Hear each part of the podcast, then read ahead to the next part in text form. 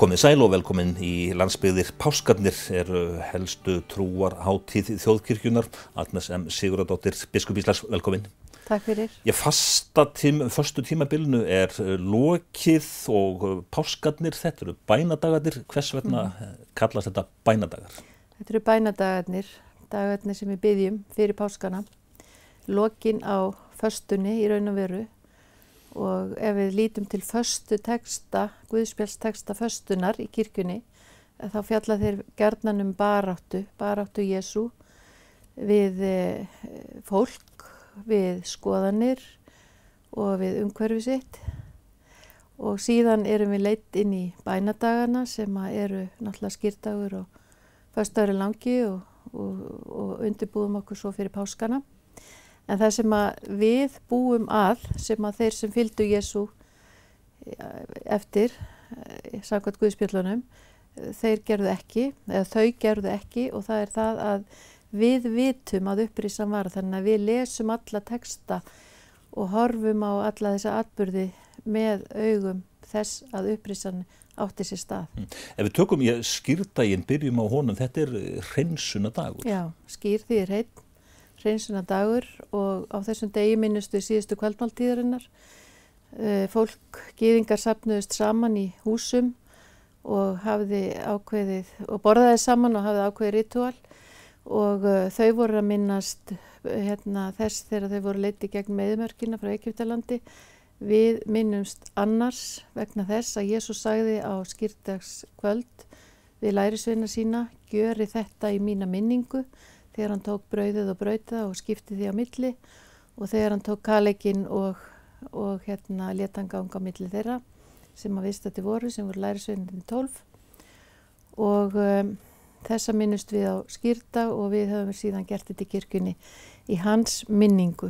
En svo dag, daginn eftir sagt, þá ég rennur upp förstu dagurinn langi sem að er ja, helsti sorgardagurinn í kirkjórinu. Já förstaðurinn langi. Og þá er einmitt gerðnan í kirkjum núna haft þannig að eftir messun og skýrtaskvöld að þá er alltarið af, af klætt, ég má segja, allt tekið af því, ljósinslögt, gengið út með þetta.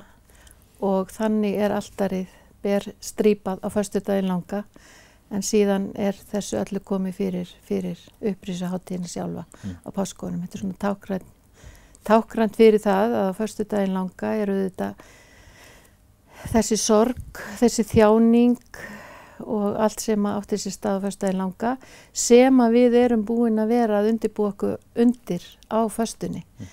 Við erum búin að má segja á förstunni ganga með Jésu til Golgata, til Jérúsalem fyrst og síðan til Golgata. Mm. Kirkjan beinir því til fólks að já, í grunda sínar já, þjáningar á þessum degi. Já og bara alla fastuna, þetta er svona, fastan er svona sjálfskoðunar tími þar sem við hugsaum um líf okkar á tilveru og horfum inn á við og, og um, spurjum okkur spurninga og reynum að fá svör við þeim varandi það hvert við viljum stefna í lífinu og hvað við viljum gera og allt það. Og uh, fastu dagun langi kannski svona síðasti dagurinn sem að í þessu ferli. En það er sjálfsagt ímsi sem að spurja sem þegar Jésús er eh, krossfestur hvers vegna í óskopunum eh, skast Guð ekki í leikin? Mm -hmm. Það er eðlileg spurning. E, öðrum bjargaði hann, bjargi hann nú sjálfum sér, rópaði fólkið en hann valdi að gera það ekki. Mm. Hann valdi það að bjarga ekki sjálfum sér heldur eins og við trúum í kristinu trú að bjarga okkur. Þetta er lengsti dagur ásins hjá mörgum sem það má helst ekki spila á spil. Hvað segir biskupin um, um, um þetta? Já, þetta var svona í gamla daga allavega. Ég held nú kannski að nú til dags sé þetta ekki svona heilagt fyrir mörgum en einhverjum er þessi dagur mjög heilagur og, og þar að leiðandi vil fólk ekki gera neitt sem er til skemmtunar. Við vitum hins vegar að það hefur svo margt breyst í setni tíð. Þegar fólk er farið að ferðast mjög mikið um páskaháttíðina því það eru auðvitað e, fleiri frídagar heldur en heldur en að vennilegri helgi. Fólk er gerðnan að því að nú að vestan það ferða nú gerðnan til Ísafjörðar á skýðavíku sem er búin að vera þar í 80 eitthvað ár og síðan núna síðastleiðan ár og aldrei fór í söður til dæmis Þannig að það er sko beðlegt að fólk noti frítagana sem það á til þess. En mér finnst líka nöðsilegt að við horfum og hugsum um þessa daga. Og það er líka annað sem er að, að það er svo, mér finnst svo mikilvægt að við horfum á þessa daga í samfellu. Það er að segja að við horfum á skýrtaginn og skýrtaskvöldið þegar við komum saman eiginlega með Jésu, brjótum brauðið og svo framvegis síðan á förstu daginn langa vegna þess að þetta er svo mikið svona e, fyrir, fyrir páskana. Það er bara lífið svo oft þannig að við verðum að sjá andstæður til þess að uppgöta e, það sem að er e, og, og það sem er gott til dæmis og gleðilegt, fagnaðaríkt og það upplifum við svo mikið ef við horfum á þessa daga í samfellu skýrtaskvöld, förstæðin langa og síðan upprýsutægin, mm. páskatægin. En ef þið horfum svona aftur aðeins á, á förstuna, aðdraganda eh, páskana, hvað á fastan að, að kenna okkur fólkinu? Hún á að, að hérna, kenna okkur það að, að til dæmis það að meta það góða þessum við höfum í lífinu. Við höfum að hérna, og vita það líka að ef við erum að ganga til dæmis í gegnum erfileika eða böl eða þjáningu eða eitthvað slíkt að þá megum við horfa alltaf til þess sem að upprisan segir okkur. Þar sem að bölið víkur fyrir blessuninni, dauðin víkur fyrir lífinu og svo framvegis. Uh, ég maður tekur eftir því að, að innan þjóðkirkjuna þá, þá er hópur og líklega fer hann stækandi sem að já, á förstunni hugar mjög að umhverfismálum og mm -hmm. fastar fyrir umhverfið. Uh, maður tekur líka eftir að, að norska kirkjan, sannska kirkjan og líklega svo danska líka uh, er fann að taka virkan þátt í umhverfismálum. Ætti íslenska þjóðkirkjan að vera öflugur í þessum efnum eða er hún öflug? Já, við hefum náttúrulega haft þetta dagskrá okkar í, í þó nokkur ára að já, bæ, bæða fasta fyrir umhverfið og eins að, að líta til umhverfisins og, og náttúruvendar og umhverfismála yfir leitt og sérstaklega nú hinn síðari ári ljósi þess sem við vitum og búið að segja okkur við verðum að fara að breyta lífsáttum okkar það er engi, engin tækni, engin vísindi sem að hjálpa okkur, við þurfum að gera það sjálf og hver og ein manneskja það sem hún gerir, það telur í þessu samhengi og það, þetta segir okkur það að við þurfum að breyta hugsunarhætti okkar varðandi umhverfið. Lengi tekur sjórin við, var sagt þetta hérna í gamla daga, nú vitum við að svo er ekki. Mm. Sjórin getur ekki tekið við endalust og það sjáum við á mörgu sem við höfum hérna eins og plastinu og, og, og því allir sem flýtur hér um alla fjörur og, um, og jafnvel fara að finnast í dýrum sjáarins, mm. fiskunum og kvölunum og selunum jafnvel og því lífinu sem er sjónum. Mm. Þannig að, að hérna, þetta er lífsspursmál og allt sem er lífsspursmál og allt sem kemur lífinu við að það kemur kirkunu við og það kemur trúni við mm. og kristinni trú og þess vegna erum við að, að tala um umhverfsmálinn og síðustu prestastemni fyrra þá var þetta aðal atriði prestastefnunar að tala um umhverfsmál og uh, það hafa verið hérna haldnar ástefnur uh, á vegum algjörgur ásins, á vegum lúterska heimsabandsins sem við erum aðilar að þar sem að við hefum fundið, heyrt og séð að kristi fólkum allan heim er að vinna í þessa átt. Þannig kirkjan er græn. Við erum allavega að stefna því að hún verði græn. Mm. Við höfum talað um græna söfniði þannig að við stefnum á því að allir söfniðir í landinu þeir verði grænir að því litinu til að, að þeir eh, láti umhverjusmál til sín taka og lifi í samræmi við það að, að við eh, getum búið hér á jörðinni áfram og næstu kynslaði líka. Mm. Þannig að þeir eru virkilega að hugsa um þetta. Já, mjög mikið. Mm. En svona, ég, þú talar um áðans að, að ég, fólk það er í fríi um páskana, vorið að koma og svo framvegis. Mm -hmm. Finnst þér almenningur svona, sé ég, trúalega þengjandi mjög á, á páskum? Allir það sé ekki bara misjæft eins og, eins og við erum mörg Eh, þetta eru mjög margir trúarlega þengjandi og, og ég held að það færist í vöxt að fólk ekki að til dæmis á sig að vakna snemma á, á páskadagsmórni og fara í messu mm. og það er orðið víða um land þannig að það er messu klukkan 8 eða 9 á mótnana mm. á páskadagsmorgun og það er fullt af fólki sem tekur þátt í þeim, miklu fleiri en kannski við ímyndum okkur svona dag, dagstaglega að sé mm og þannig að ég held að, að um, þetta sé nú bara allavegana eins og bara yfirleitt í mannlífinu, við erum allavegana. Mm. Hvað með unga fólki, hvernig finnst þér unga fólkið lifa, upplifa þennan eh, páska bóskap og þá atbörði sem eru á bóskanum? Já, unga fólki er náttúrulega eins og aðrir bara í, í, í sínum heimi, við erum allir okkar heimi einhvern veginn mm. og það er fullt af ungu fólki hérna á Íslandi sem tekur þátt til dæmis í kristilegu starfi í E, sínu söfnuði til dæmis, síni sókn, sóknarkirkju. Og það er víða um land og þar sjáum við til dæmis þegar að æskulismót eru haldinn, landsmót æskulisfélagan eru haldinn, þá koma nokkur hundruð unlinga saman og, e, og vinnað ymsu málum og, og til dæmis hefur, hafa umhverfsmál verið þar e, yfir skrift á einhverju æskulismótinu þannig að, að hérna, ég held að þessi margt ungt fólk mjög meðvitað um þetta hvað páskarnir standa fyrir að það er ekki bara kvildarháttíð heldur, heldur hérna upprísuháttíð, lífsháttíð og um, það held ég að skili sér inn í framtíðina. Ungt fólk hugsa það um dauðan?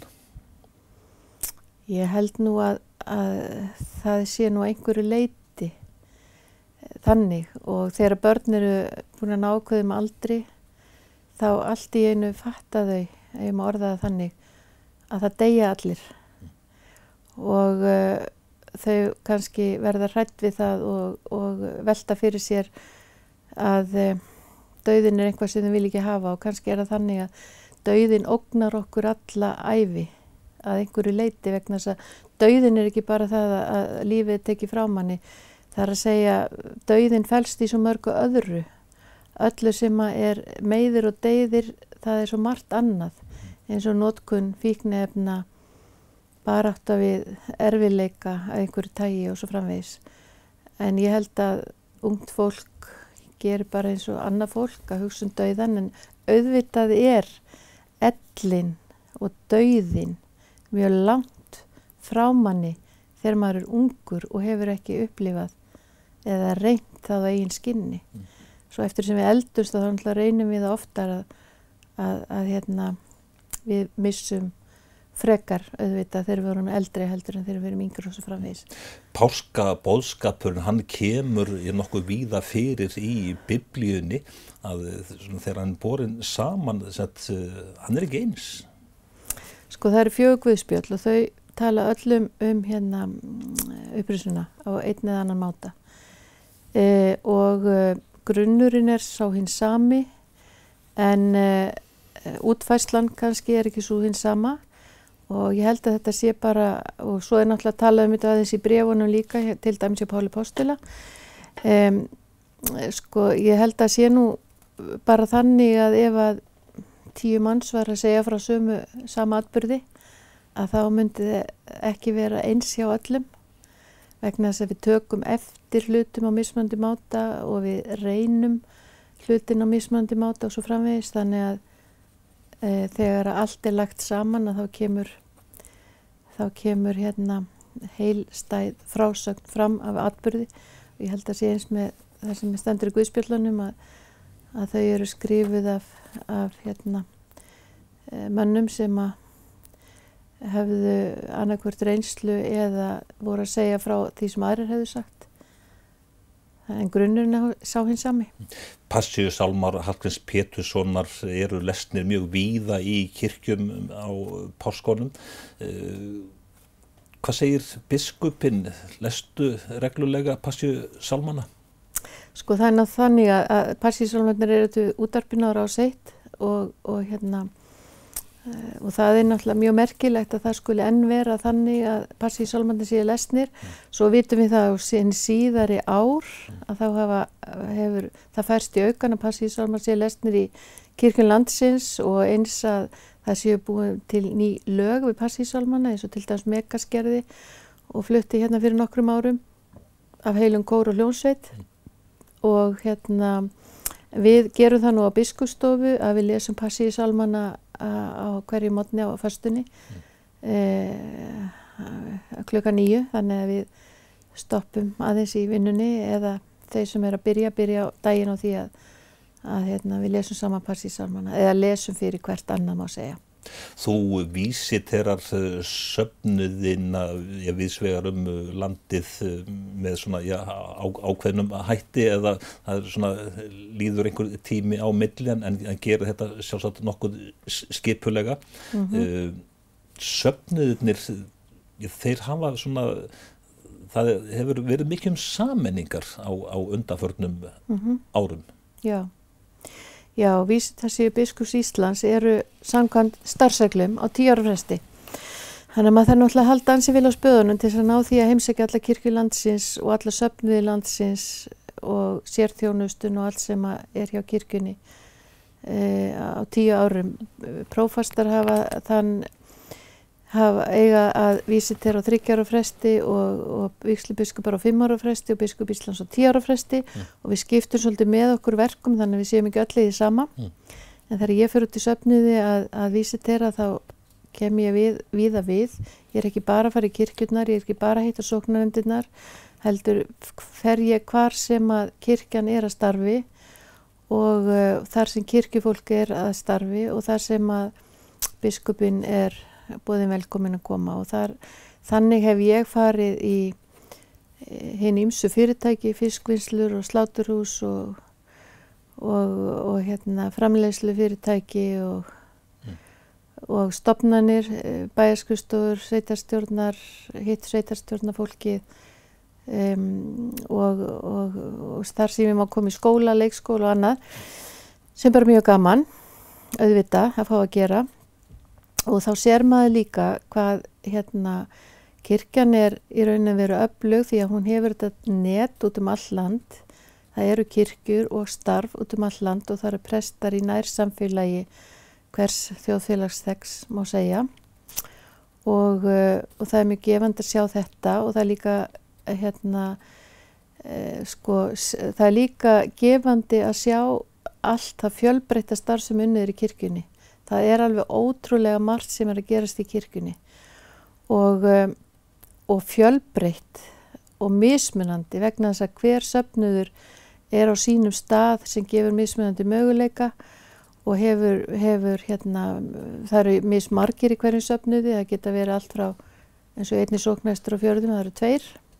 Og allt upp í nokk, hvað, ég veit ekki hvað er í Grafavogi, ég held að það sé nú stærsta sóknlandsins einhverju 15.000 eða 20, ég veit það ekki. Eða hér á Akkurir er náttúrulega tværsóknir tvö prestakall til dæmis En uh, alla þessar sammenningar uh, bara svona að, að, mm -hmm. að fréttaflutningi sem, mm -hmm. sem að sér þá uh, finnst mörgum bara nóg um og, og, og þessar sammenningar valda bara ofta tíðum deilum Já sko það eru nú annars vegar er það að mínum dómi sammenningar sókna sem að eru náttúrulega það er fólkið í sóknunum, mm. söpnuðurinn, sem að ræður því hvert að sóknir saminast. Ef að sóknir vilja saminast, eins og hefur gerst til dæmis hér í eigafyrði, í Möruvella prestakallinu, þar sem voru fjóra sóknir sem saminust í eina, Dalvík, þar sem voru sóknir þar í Svarfaðardal og Dalvík, saminust í eina sókn og svo framvegis að ef að fólkið vill þessa saminningu þá getur það farið fram á hana og svo er hann staðfest á kirkuþingi mm.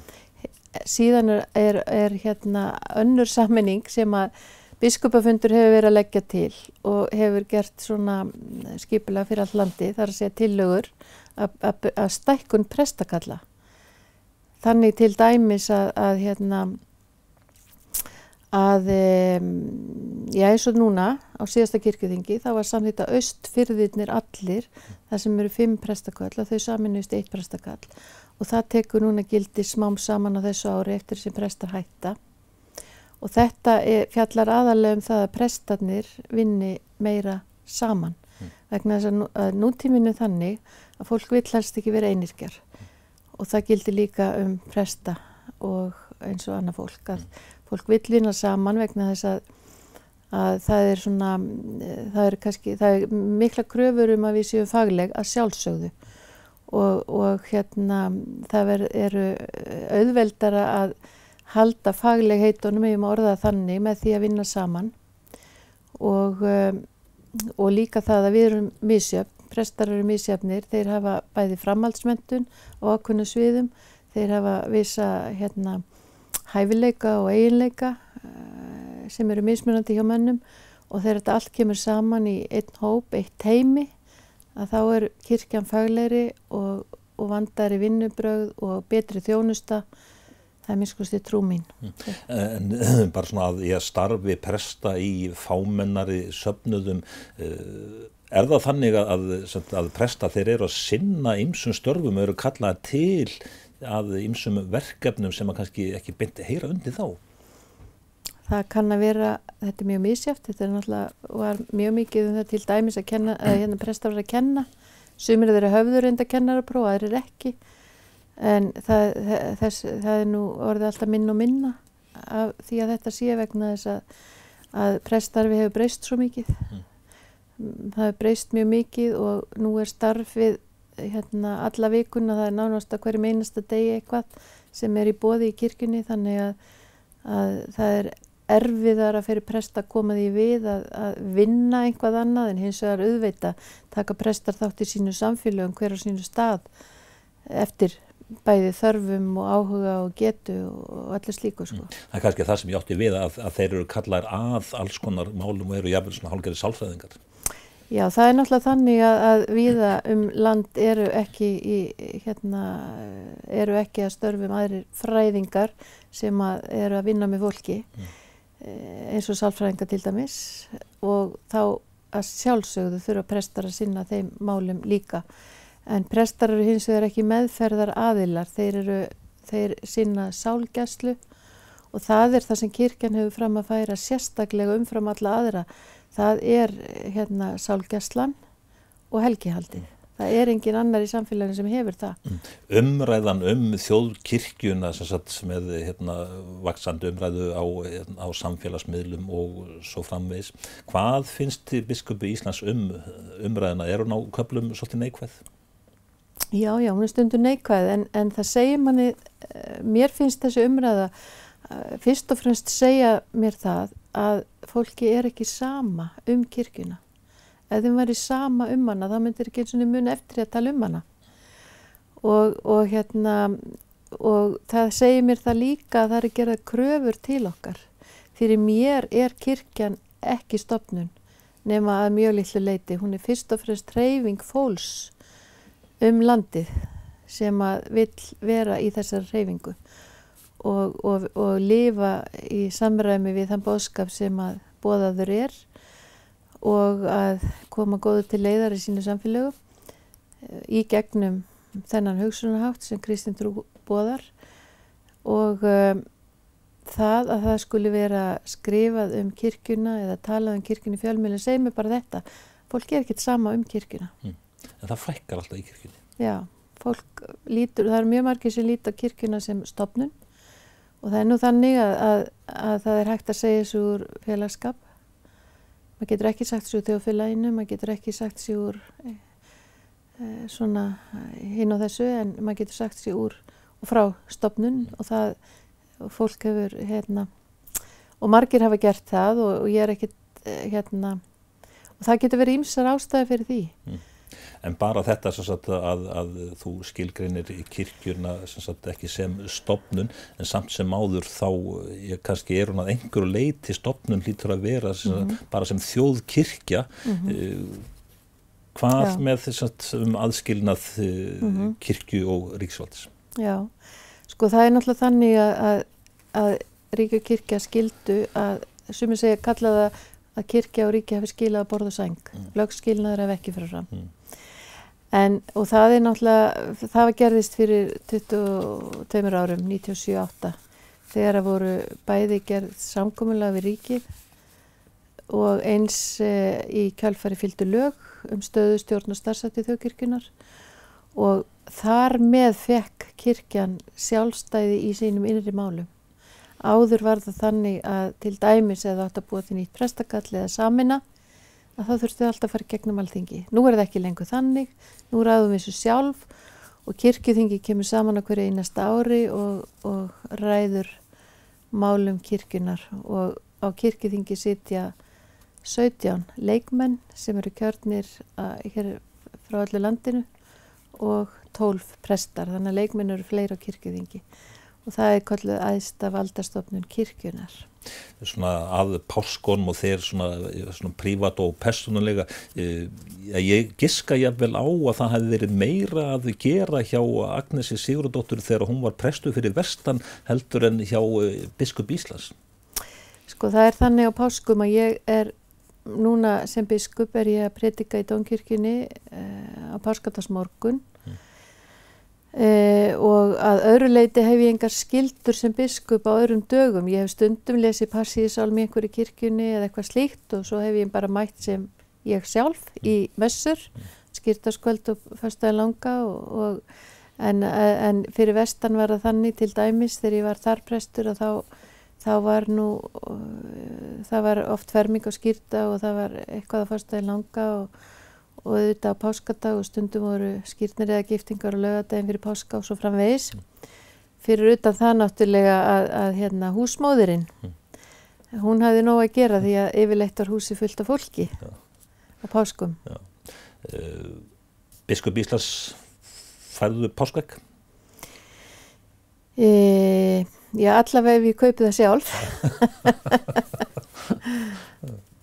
Manstu eftir einhverjum málsætti svona eða er einhver málsáttur svona sérstaklega uppi svona í huga þér núna bara sem að, sem að hérna, þér dettur í, í hug svona í lok þessa spjáls? Nei, ég man nú ekki eftir neina sérstaklega málsætti sko en ég verður nú að segja að það málsætti sem komum páskaðegi núna er nú svolítið framandi þeir eru orðinni, mann er nú farnir að búa til uh, skemmtilega málsætti en, en mitt motto er hins vegar úr orskviðunum Treystu drottni af öllu hjarta en reytu þig ekki á eigið higgjuvit. Agnesem Sigurðardóttir, Biskup Íslas, takk fyrir spjallið. Takk.